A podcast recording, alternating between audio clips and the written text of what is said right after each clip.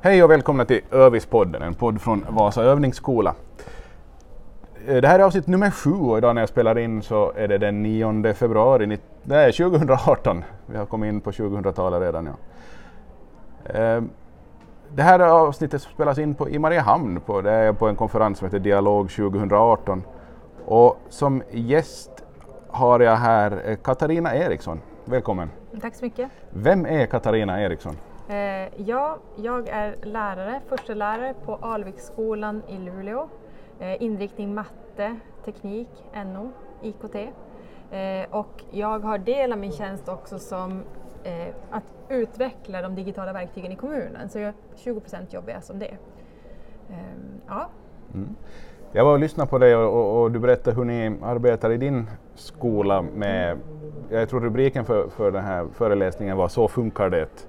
Mm. Och var det möjligtvis en underrubrik då som var digitala verktyg ur ett ämnesövergripande perspektiv. Mm. Skulle du vilja berätta lite, hur, hur jobbar ni med det här i, i, i din skola? Ja. Mm. Eh, ja, det är ju som ett eget framarbetat koncept. Vi börjar först fundera på hur kan vi arbeta med de digitala verktygen så de integreras i undervisningen. Eh, och vi börjar fundera på hur kan vi koppla ihop ämnena så det blir en röd tråd för eleverna. Och då kom vi på konceptet storyfication eh, som är då ett storyline-inspirerat arbetssätt med gamification som drivkraft. Och det handlar ju om en storyline, att man har tid, man har plats, man har karaktärer och så gamification, att man använder spelmekanismer då i verkliga situationer. Och vårt projekt utspelar sig då på, vi använder bloggar där eleverna då får publicera eh, sitt arbete. Eh, och eh, det är då uppdragsbaserat så att elevernas Eh, Eh, de får uppdrag som antingen driver arbetet framåt eller för att se vilken förmåga de har i olika ämnen. Eh, och varje projekt, vi är nu inne på vårt femte projekt, då har de en karaktär, så de får skapa sin egen karaktär. Och vi ser ju att just det här att, att skapa sig en karaktär lockar eleverna i arbetet till att skriva, till att utforska. Eh, deras karaktär, det kan vara allt ifrån, eh, vi har haft ett hus som vi hette House of Alvik, ett bostadsrättsföreningshus som eleverna då var karaktärer som bodde i och fick uppdrag kopplade till det. Till eh, en tidning, News of Alvik, som vi hade föregående år och i år så har vi ett tåg, Love Love Train of Alvik, som åker då genom Europa och ska sprida fred, kärlek och vänskap. Eh, och eleverna då får uppdrag kopplade till det här och sen har de då i alla de här projekten också fått bygga sig en virtuell stuga eller hus eller lägenhet. Och genom att utföra olika uppdrag i projekten så får de då eh, måla, tapetsera eller de får en soffa till sitt hus. Och vi ser ju, det är där någonstans de får det här när de har utfört uppdraget. Så det ska ju också vara det här motivationshöjande till att utföra uppdragen. Och det är det som är lite gamification i det hela också, där med belöningssystem. Belöningssystemen, men sen kan ju också gamification vara i ett uppdrag. Eh, som till exempel när vi programmerar. Då kan ju det vara att de har fått lösa en matematikuppgift för att kunna sen programmera roboten att utföra den. Det kan vara allt ifrån att de ska klippa gräsmattan utanför deras tomt och den har en viss yta, de måste räkna ut arean på den gräsmattan, fundera på hur kan jag programmera min robot för att klippa den här gräsmattan. Eh, och då blir gamification i matteuppdraget blir ju att få programmera roboten. Men ur tekniksynvinkel så är det ju en teknikuppgift eh, där man då ska följa hur man har tänkt, man ritar upp hur man har tänkt eh, programmera roboten och sen ska man liksom få den här då konstruktionen att utföra det. Eh, och samma sak när vi jobbar med Minecraft. Eh, där det också, finns ju också två olika sidor. Minecraft kan ju både vara ett lärtillfälle, eh, någonting som man gör i tekniken, följer en ritning, men det kan också vara eh, motivationshöjande för att lösa en matteuppgift som jag sen får bygga i Minecraft. Så någonstans så, men den röda tråden för, för gamification i våra projekt är ju huset. Och mycket av vår matematik eh, alltså matematikberäkningar, det här verklighetsanknutna kommer ifrån eh, vårt hus.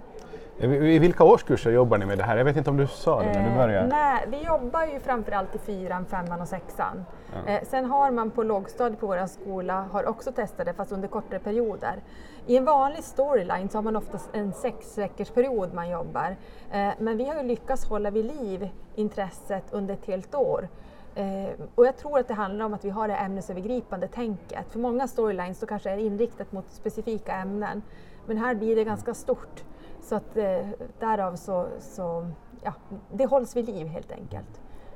Det jag slogs av när jag, också när jag lyssnade på din presentation var det här att ni eh, ni har en, ska säga, ni använder en ganska bred arsenal av olika program och appar som de här eleverna då blir, blir väl förtrogna med. Att, är det liksom ett medvetet att försöka få in mycket eh, liksom digital kompetens eller vad ska vi kalla det i, i de här projekten också? Ja, det är ett av syftena och när vi från början planerar upp uppdraget så funderar jag på vilket digitalt verktyg vi ska använda. Men när vi när vi väljer digitala verktyg, det är hela tiden den pedagogiska tanken som är i fokus, inte vad det digitala verktyget i sig kan ge, utan någonstans, vi vill göra det här. Eh, vi vill, eller att eleverna ska ha det här hjälpmedlet, de ska kunna ha, vill de senare göra en redovisning så kanske vi har visat ett verktyg för dem i projekten som de senare i sin kommande studie kan använda för att kanske använda som en, en presentationsform eller liknande. Så någonstans att göra dem välbekanta och att det är inte det digitala verktyget ska, de ska vara så bekanta med det så det tar inte upp eh, tiden från undervisningen. Utan undervisningen är alltid fokus, lärandet i sig. Mm. Men någonstans att det är ja, den pedagogiska tanken, de digitala verktygen är just verktyg. Men använder vi dem rätt så kan de ju också höja undervisningen. Just det. Eh, du sa att eh, de får olika uppdrag när ni, mm. i det här projektet då, och lite beroende på vad det är nu när det, nu är ni ute och åker tåg i Europa. Mm. Och där vet jag att ett uppdrag var då till exempel att välja ut sevärdheter i Italien, mm. så visar du som mm. exempel så de lär sig mycket. Eh, kan du ge några andra exempel på, på, på uppdrag som ni har, ni har haft och hur, eller jag lite frågar så här istället, när ni, när ni ska göra ett uppdrag, hur, mm. hur, vad börjar ni med? Um, det, kan ju, det, är också, det är lite svårt för att det kan vara olika. Det kan ju vara allt ifrån att vi har jobbat med ARE omkrets på, eh, det har liksom varit det området vi har jobbat med. Mm. Och då vill jag ge ett uppdrag i, ifrån deras hus där de till exempel ska räkna ut vad det kostar att måla i, i sitt eh, sovrum. Eh, då är det liksom slutprodukten av det vi har jobbat med. Men i annat fall kan det vara att nu är vi ju, för att skapa ett intresse för Italien, då hade vi en mystery Skype när vi skypade med en annan klass då är det skapa någonstans intresse för att vilja veta mer om Italien någonstans. Och det blir liksom inkörsporten för någonting annat. Eh, men vi börjar alltid, vi har en, eh, där vi eh, lockar eleverna, vi läser upp uppdragen, det, det är någonting liksom som fångar dem i uppdragen som vi sen eh, ger ut till dem.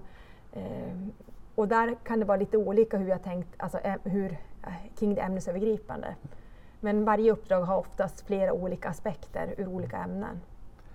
Eh, vad ser du för, för fördelar med det här arbetssättet som ni har? Vi ser ju att det motiverar eleverna och engagerar dem och det tycker jag är en jättestor skillnad. Jag, vi brukar reflektera över det. Vi ser att även om det här, vi har ett 90 minuters pass i veckan där vi liksom fokuserar på det här, eh, så ser vi att det spiller över på de andra lektionerna eftersom det blir en röd tråd i arbetet. Och det blir jättekul för oss också som kollegor att ha någonting som gemensamt binder oss samman fast vi har olika ämneskompetenser.